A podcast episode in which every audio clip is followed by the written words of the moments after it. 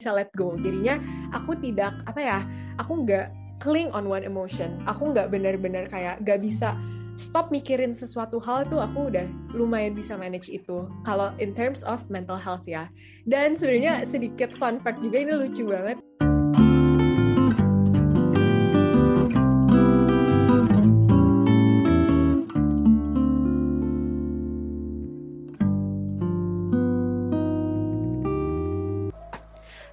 Sobat Dutins, setelah kalian klik tombol play warna hijau, saat itulah kalian sedang mendengarkan podcast Dutins. Yuk mari kita dengarkan bersama-sama obrolan kita kali ini. Eits, jangan khawatir, tentunya akan terselip tips-tips sederhana yang berguna untuk kita. Dengerin sampai habis ya. Selamat mendengarkan.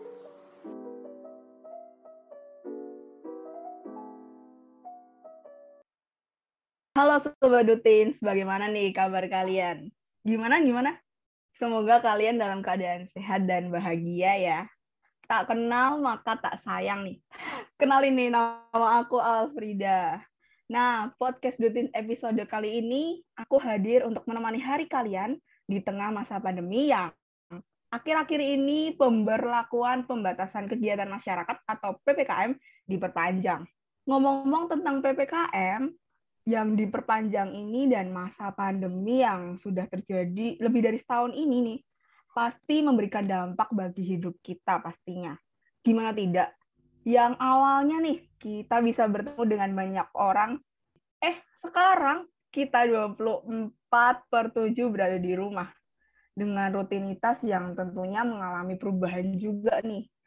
Karena di rumah aja, kegiatan seperti sekolah ataupun kuliah yang cuma bisa dilakuin di rumah, itu pun dengan smartphone ataupun dengan laptop kita.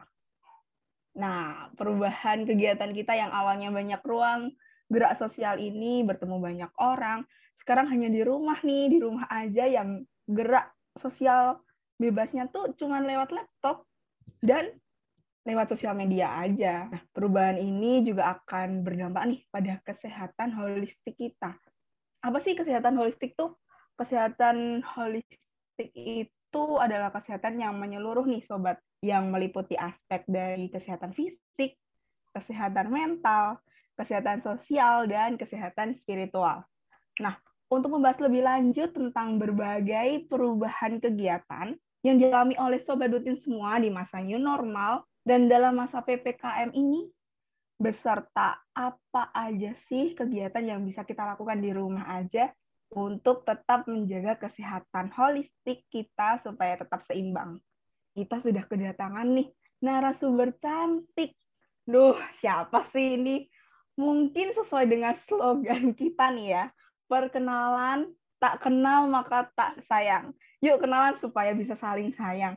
Halo kakak cantik, boleh kenalan aduh, dong. Waduh, nggak cantik ya kebetulan. Halo teman-teman semua yang udah dengerin uh, podcastnya Dutins. Nama aku Lorencia Am, biasanya aku dipanggilnya Loren aja sih. Dan aku dari Divisi People Development di Dutins. Dan hari ini seneng banget bisa ngobrol-ngobrol sama Kak Alfrida. Wah. Ini aku manggilnya Kak Lorenz mungkin ya, biar sama kayak Sobat Dutin. Wah, boleh, boleh. Kalau boleh sharing dikit nih, sekarang kuliah semester berapa sih? Aku bakal masuk semester 3 September ini. Wow, di mana? Aku kebetulan di The University of Nottingham Ningbo China. Jadi aku sebenarnya harusnya uh, ke China cuman ya karena kondisi pandemik sekarang bordernya belum buka dan jadinya aku masih di Indonesia lebih tepatnya di Bandung. Oke, mungkin bisa sharing sedikit nih Kak Loren. Lagi sibuk apa sih sekarang selain di rumah aja? Lagi Oke. PPKM nih. Iya, benar banget. Nah, kebetulan aku juga kan uh, lagi libur nih, lagi libur kuliah kan ya. Jadi aku di rumah tuh sebenarnya lebih banyak kayak online-online gini aku volunteering di Dutins dan aku juga sebenarnya masih ada satu organisasi lagi yang aku lumayan aktif di sana kayak gitu. Tapi ya di free time aku biasanya seneng banget nih baca buku. Itu hobi aku yang lumayan besar gitu. Jadi setiap kali ada free time, aku biasanya suka baca buku kayak gitu. Tapi ya um, tentunya senang banget sih kayak Dutins ini benar-benar lumayan apa ya menjadi kebahagiaan aku di masa uh, apa ya liburan ini ya. Jadi nggak bosen-bosen amat lah ya di rumah nggak apa-apa masih bisa ngobrol sama uh, teman-teman di Dutins gitu. Wow, keren banget. Ini kalau Lorenz nih libur sampai kapan sih? Aku libur itu sampai September tengah. Jadi September belasan gitu aku baru balik lagi untuk kuliah kayak gitu. Hmm. Keren, Jadi keren. Uh, liburnya masih lumayan lah ya masih ya masih ada beberapa minggu gitu. Aduh keren banget sih ini. Liburnya masih lama dan banyak banget kegiatan yang bisa diisi dan jadi lebih produktif ya. Iya, iya. Kita harus make the most out of our time ya. Jadi kalau misalnya kita ada free time, kita harus gunakan secara bijak gitu ya. Jadi kok ya obviously kita tetap boleh dong senang-senang tentunya. Cuman kalau misalnya 24 jam senang-senang terus gimana gitu kan nggak bisa juga jadi ya it's good ya to be productive juga sometimes benar oke okay. nah melihat dari kesibukan Lawrence yang ini di rumah aja kan ya pasti. Iya, di rumah aja.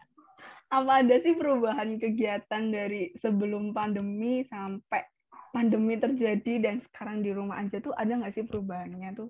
Iya, wah sebenarnya kalau perubahan banyak banget ya. Kayak dulu aku sekolah bisa langsung belajar di sekolah gitu, sekarang nggak bisa semuanya online learning, online school, pakai Zoom meeting lah, pakai Google Classroom segala macam itu. Uh, jadinya sebenarnya itu udah perubahan yang sangat-sangat besar ya. Karena ya sebagai mahasiswa ya gimana ya, kita setiap hari kerjanya belajar gitu kan. Jadi kalau misalnya di dalam pembelajaran kita udah ada perubahan yang sangat besar, berarti hampir uh, apa uh, the majority of our life ya ke effect gitu kan. Jadi kayak ya itu adalah perubahan yang sangat besar. Tapi juga um, ya banyak juga ya hal lain yang juga terpengaruh bukan cuma sekolah doang, tapi juga sekarang nggak bisa ketemu teman sering-sering nih gitu kan nggak bisa hangout lagi sama teman-teman catch up mau itu um, ngomongin tentang organisasi lah mau itu uh, cuman have fun nggak bisa. Sekarang uh, stuck di rumah terus nih malah ketemunya papa mama uh, dedek terus. Udah cuma tiga orang ini aja terus terus ya. Kadang juga liatnya sedikit bos bosan cuman ya good lah ya kalau misalnya uh, bisa enjoy bisa spend time juga lebih banyak sama family Um, jadi itu sih ya yang mungkin yang paling banyak berubah sama mungkin kayak untuk traveling juga berubah ya. Kak Alfrida kayak kita dulu bisa nih misalnya kepengen berkre, uh, berekreasi ke nggak usah jauh-jauh gitu ya, cuman deket-deket aja bisa gitu kan ada kebebasannya untuk refreshing di, di di luar rumah. Tapi sekarang ya sangat dibatasi gitu kan. Jadi ya untuk uh, orang-orang yang punya apa ya punya hobi itu untuk traveling dan mendapatkan kebahagiaan uh, keluar dari rumah tuh sekarang ya susah gitu ya. Jadi kayak harus mencari kebahagiaan mereka di aspek yang lain kayak gitu. Oke, nah ngomong-ngomong tentang perubahan kegiatan yang tadi Kak Loren ceritakan nih, mm -hmm. aku udah menemukan satu fun fact nih bahwa Kak Loren wow. ini tuh morning person. Nah, boleh dong diceritain pengalaman Kak Loren menjadi morning person ini? Apa sih yang mendasari hal ini tuh apa? Wah, oke okay, oke, okay. thank you banget pertanyaannya.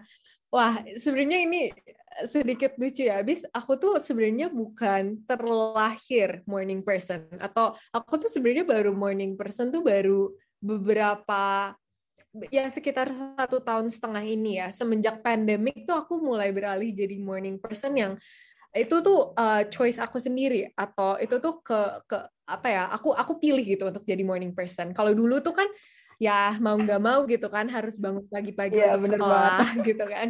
Kalau sekarang iya I choose to be a morning person. Why? Sebenarnya uh, dasarnya itu tuh I just feel I get more things done in the morning. Jadi menurut aku um, pagi hari itu pas rumah aku masih sepi nih ya belum banyak orang bangun, aku tuh bisa mengerjakan sangat banyak hal kayak gitu. Dan aku benar-benar menggunakan morning morning time aku itu untuk um, apa ya? Untuk untuk me time juga dan untuk set up the day forward gitu. Aku bikin to-do list uh, untuk satu hari, untuk schedule satu hari dan lain-lain. Sebenarnya banyak juga sih aktivitas morning routine aku. Cuman Iya, kenapa? Karena aku cuman ngerasa ya aku lebih produktif aja gitu in the morning dan aku ngerasa ya it's really good for me gitu.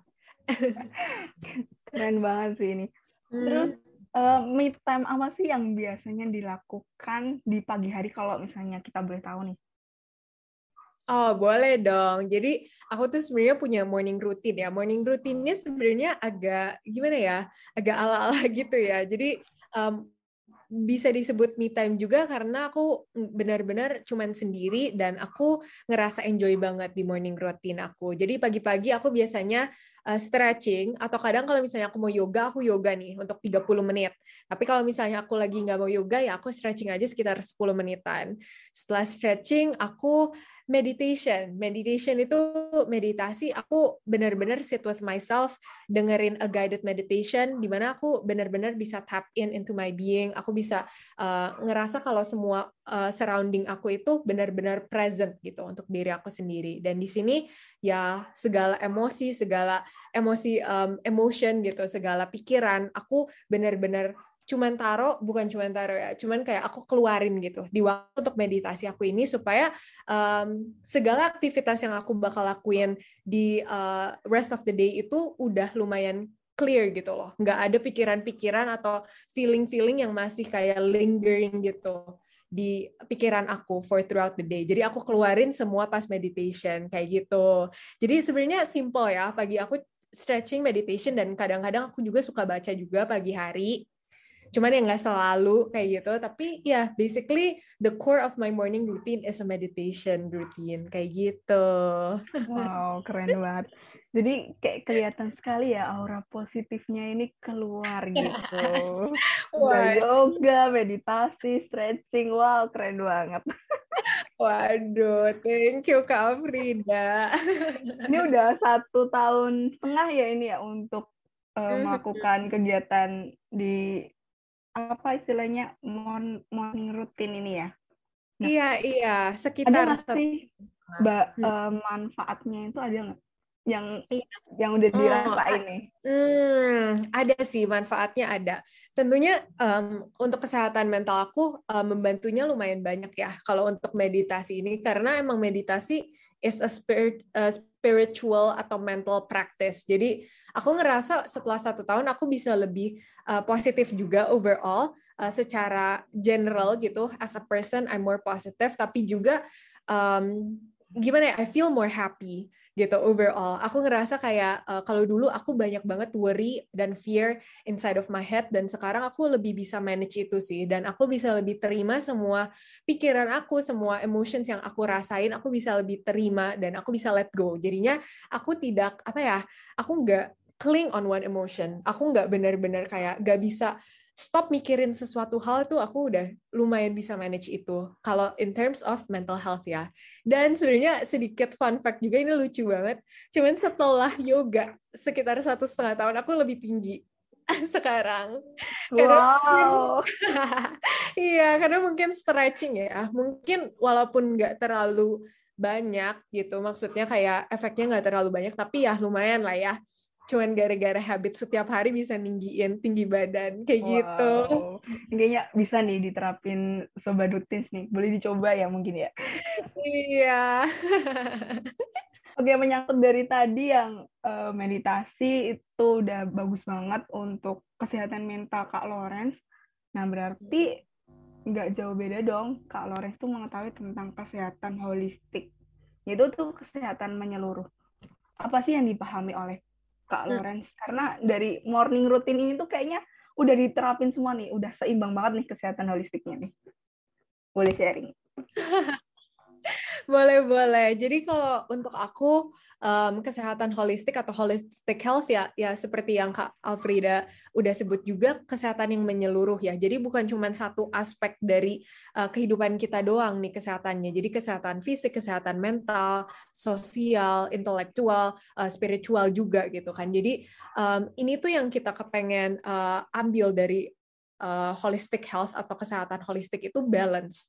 Jadi dari semua aspek hidup kita dari segi mental, fisik, uh, emosional, sosial, intelektual, dan spiritual itu harus ada balance. Di mana ya kita nggak boleh cuman terlalu fokus ke yang satu karena ya when our lives become uh, imbalance ya kurang efektif aja yeah. gitu ya. Beberapa orang terlalu fokus ke cuman kesehatan fisik atau kesehatan mental banget, padahal sebenarnya mereka itu complementary.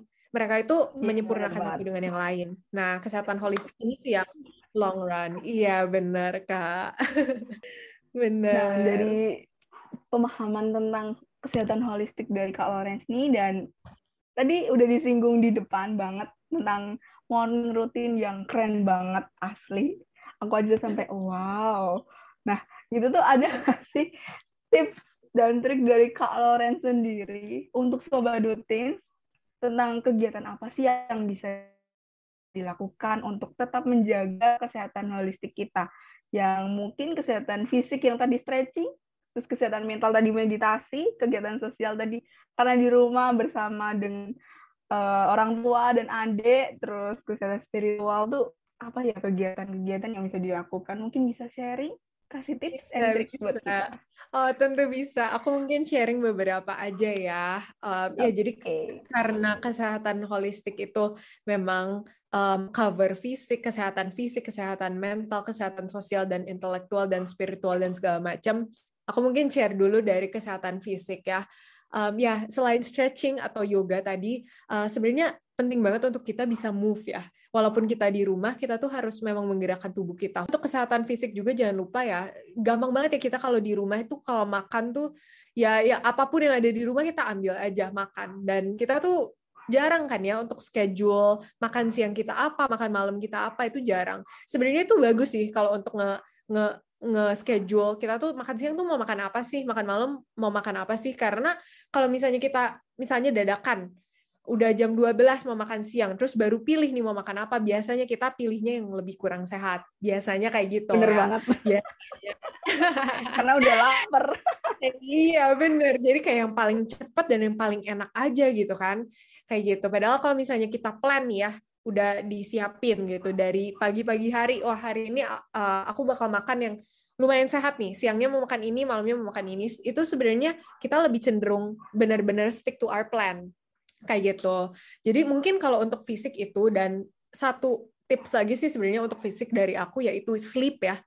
Uh, kita tuh online kayak gini tuh banyak banget yang kayak banyak banget kan alasannya kayak oh iya mau telepon sama pacar lah sama temen sampai subuh terus juga meeting sampai subuh dan segala macem. Sebenarnya ya gak apa-apa. Cuman uh, jangan sering-sering dan ya kalau bisa kayak tadi aku udah mention have a regular sleeping schedule. Jadi bangunnya at the same time every day itu tuh sebenarnya sangat good ya for your body. Karena tubuh kamu jadi tahu gitu oh ini tuh aku hari ini kurang tidur. Oh hari ini aku cukup. Hari ini aku kelebihan.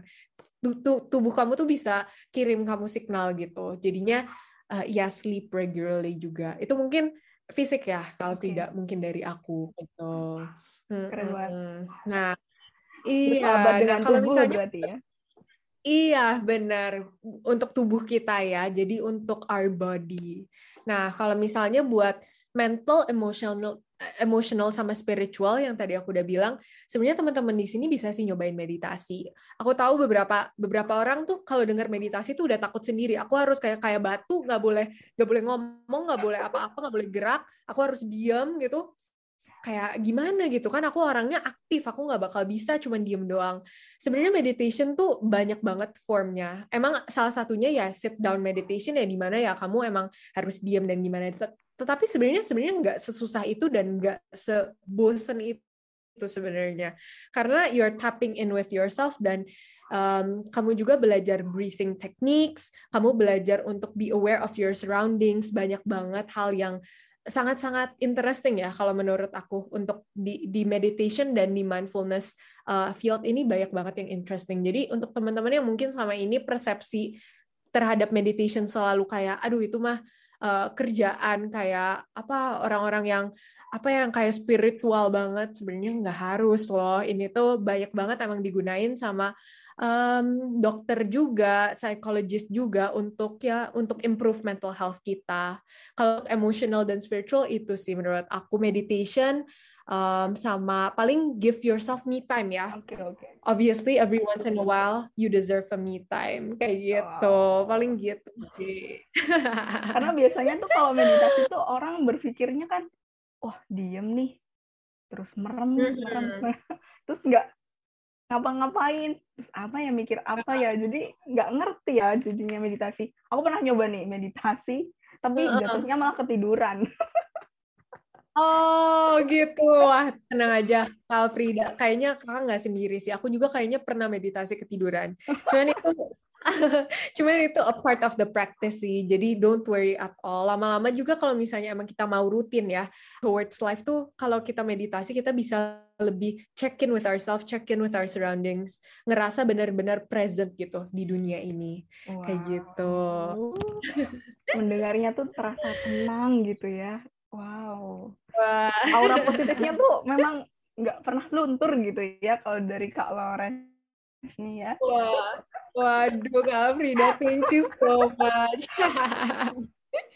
ya, aku pernah iya. nih mencoba meditasi dan uh, seminggu kali ya, seminggu tuh udah wow kerasa banget ya. Jadi nggak mudah menyesali sesuatu dan nggak mudah untuk marah-marah terus jadi lebih terbuka gitu pikirannya. Bener nggak sih? Iya iya bener. Aku juga ngerasa kalau aku uh, meditation uh, aku ngerasa kayak um, segala hal yang aku lakukan dalam uh, dalam uh, hari itu tuh aku lebih bisa apa ya ada awareness gitu. Aku yakin nggak aku mau ngomong hal ini? Aku yakin nggak aku mau melakukan hal ini? Ada sesuatu kesadaran sendiri gitu kalau kamu udah meditation. Uh, it increases your awareness. Kayak gitu. Jadi aku setuju banget sih sama Kak Frida bener banget. Keren keren keren. Sila juga sebenarnya bisa juga nih kayak uh, kita tuh meditation tuh kita juga cenderung lebih baik ke orang lain. Sebenarnya itu ada explanation-nya lagi sebenarnya. Tetapi ya karena kita lebih apa ya, lebih sadar kita tuh mau melakukan sesuatu, cara kita um, memperlakukan orang gitu, uh, the way we treat people itu juga kita lebih sadar kan, kita mau melakukan hal yang baik gitu terhadap orang lain. Jadi sebenarnya ke, ke kesehatan sosial juga uh, for your environment, for your surroundings itu sebenarnya meditation juga useful gitu, helpful dan bagus juga sebenarnya kayak gitu. Dan um, ya mungkin untuk sosial juga bisa dimasukin itu dan ditambah juga kalau di sosial mungkin um, sekali-sekali bisa nih social media detox ya. Karena um, ini tuh uh, it's such a gimana ya social media tuh benar-benar sangat mendominasi ya kehidupan kita. Dan Benar. yang tentunya hmm, ya dan tentunya di media sosial ya kita apa namanya berinteraksi dengan sangat banyak orang dan kadang tuh bisa terlalu berlebihan gitu loh. It feels overwhelming. Jadi sebenarnya untuk kesehatan sosial kamu, kamu boleh loh satu hari atau um, every once in a while kamu social media detox nih. Nggak sentuh sosial media sama sekali. Itu sebenarnya bisa sehat juga, bukan cuma buat mental kamu, tapi untuk sosial. Karena uh, di sosial banyak banget nih kayak comparison, uh, membanding-bandingkan, terus kayak lomba-lombaan, dan itu sebenarnya kurang uh, apa ya kurang sehat gitu kan ya. Jadi mungkin bisa bisa ke sana juga arahnya gitu kalau untuk kesehatan sosial kayak gitu. Lebih hmm. ke istirahat sosial media sejenak mungkin ya. Iya iya bener. Dan kalau misalnya seharian nih lagi nggak mau ngomong sama teman-teman lewat Zoom meeting, ya nggak apa-apa gitu, bilang aja I'm not available emotionally, nggak apa-apa. Harusnya itu sesuatu yang um, kita tuh punya availability ya, kita tuh punya um, choice, kita tuh punya kesempatan untuk ngomong hari ini aku mau off dulu, aku nggak bisa berinteraksi sama orang itu sebenarnya oke okay, dan itu normal. Harusnya kayak gitu. bener bener bener. Karena kalau misalnya kita terlalu banyak banget komunikasi sama orang lain, apalagi nggak bisa langsung hanya uh, lewat sosial media tuh malah apa ya selain nggak sehat malah membuat kita tuh menjadi lebih khawatir lebih mm -hmm. gitu nggak sih? Iya benar-benar. Setuju banget um, media sosial tuh sebenarnya bisa jadi satu platform yang sangat powerful ya. Tapi kalau misalnya kita gunakan terlalu sering juga sebenarnya nggak terlalu sehat ya. Karena kayak um, what we see on social media itu usually bukan the exact representation of real life. Dan kita karena terlalu sering lihat sosial media, kita kira itu emang uh, realitanya. Padahal kebanyakan kali itu sebenarnya enggak gitu loh. Jadinya untuk kesehatan dan mental kita tuh sebenarnya kita butuh rehat dari uh, sosial media, dari interaksi sosial yang sangat berlebihan gitu. Kayak gitu. Memang sekarang tuh lebih ke me time dan mencintai diri sendiri. Iya. Yeah. Bener, bener banget Kak Frida. You get it already. Aduh. Karena memang uh, dari seluruh cerita dari pasti aku tuh ngalamin semua gitu. Jadi ya oh gitu ya. Oh gitu ya. oh. ya cuman aku nggak nggak nggak ini. Aku nggak secepat kak Lawrence untuk bisa membentengi diri gitu. Makanya aku merasa wah gitu ya. Aku merasa terinspirasi. Aduh aduh. Ini such a good compliment. Semoga ya semoga nanti kita juga kan kita di Dutin sini selalu bisa sharing sama satu dengan yang lain ya. Jadi seneng banget kalau kita bisa sharing, kita bisa um, apa namanya impact people ya in a good way. Kita bisa kasih tahu kita oh ya hal-hal yang kayak gini tuh efektif loh untuk kesehatan uh, holistik aku. Mungkin boleh dicoba gitu kan. Okay. Keren banget nih encourage other people. nah, buat sobat Dutin ini penting banget untuk mencoba kegiatan-kegiatan yang tadi udah di share sama Kak Lawrence nih Sobat Dutin. Semoga bisa bermanfaat nih buat Sobat Dutin. Coba deh meditasi. Itu akan berpengaruh ke kesehatan holistik Sobat Dutin. Oke? Okay? Bener banget Kak Frida, setuju, setuju. Cobain aja dulu guys. Iya. Tadi tips dan trik dari Kak Lawrence nih sebenarnya simple sih dan nggak banyak tapi hmm. kalau misalnya diolah lebih dalam ternyata banyak banget dia manfaatnya. Hmm. Nah, karena sesuai dengan hashtag Dutins yang ambil kesempatanmu, bener nggak Kak Loren? Bener banget, ambil kesempatanmu, nah. Dutins. Apa nih ambil kesempatanmu versi Kak Lorenz untuk saat ini? Boleh dong oh. sharing. Boleh, boleh, boleh banget nih sharing. Kalau untuk aku sekarang, ambil kesempatan aku um, untuk ini ya, mungkin untuk um, kesehatan holistik aku, aku kepengen banget lebih gampang untuk mengatakan tidak ke teman-teman yang mungkin udah agak lewat batas nih misalnya ya. Um, ini udah meeting nih ya, kita meeting misalnya mulai jam 7, jam 11 belum selesai aku sebenarnya mau nih ambil kesempatanku. Dengan cara aku ngomong aku harus istirahat dulu. Kalau enggak besok aku burn out kalau enggak besok aku capek banget nih. Harus set boundaries. Mungkin kalau dari kesehatan holistik aku aku mau ambil kesempatan di sana sih. Lebih berani untuk mengatakan tidak kalau misalnya emang situasinya aku harus gitu. Mengatakan tidak demi kebaikan diri aku sendiri. Mungkin kayak gitu Kak Frida ini kayak aku berasa ditampar gitu ya sama Kak Loren ya. Karena orang yang nggak enakan nih menjadi berpikir ulang. Oke, Lores, mungkin sebelum kita tutup nih podcast ini, karena kita udah ngobrol banyak banget dan informatif banget, apakah ada yang ingin disampaikan lagi nih Kak Loren buat coba dutin semuanya yang ada di rumah? Wah, sebenarnya ya thank you banget ya sebelumnya. Um, ini my pleasure banget bisa sharing sama uh, tim podcast sama uh, sobat-sobat Dutins yang dengerin podcast ini juga. Uh, mungkin kayak sepatah dua patah dari aku ya. Um, semoga ya semua orang stay safe aja and healthy dan walaupun ini waktu-waktu uh, yang gak mudah sama sekali kita tetap harus take control of our lives jadinya tetap harus take care of ourselves kesehatan holistik kita kita maintain kita take care juga dan ya yeah, just be the best version of ourselves that we can possibly be ya jadi kayak kita selalu um, work hard juga dan tapi juga bisa me time dan semuanya harus ada balance saja guys hidup kayak gitu. Paling oke. okay. ya. keren banget. Udah mungkin aku udah cukup aja kali ya. Aku tutup aja. Tapi ini keren banget. Aku mau tutup tuh aduh kayaknya kok masih ada yang kurang. Apa ya? Apa ya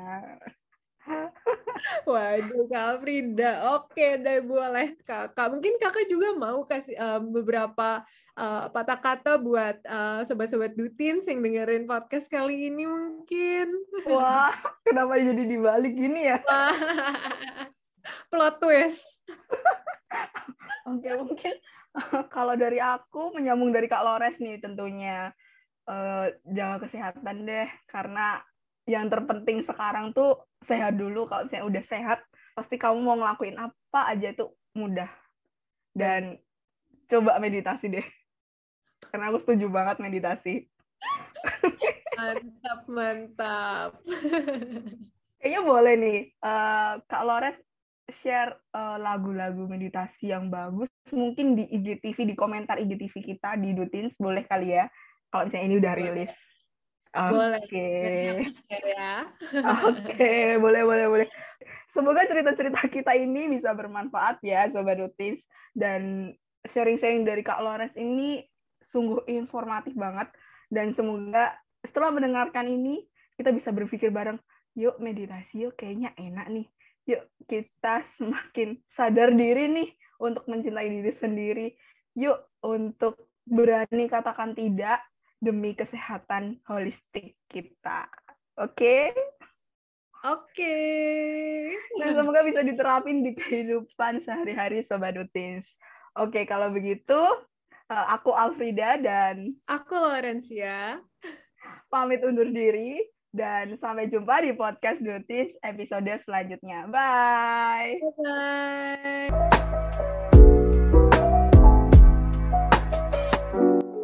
Terima kasih sudah mendengarkan episode ini sampai selesai.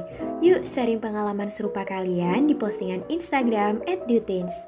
Langsung aja ke poin EGTV dan juga feed Instagramnya. Dan terakhir jangan lupa untuk dengerin podcast Dutins episode yang lainnya. Pokoknya nggak kalah serunya deh. Sampai jumpa!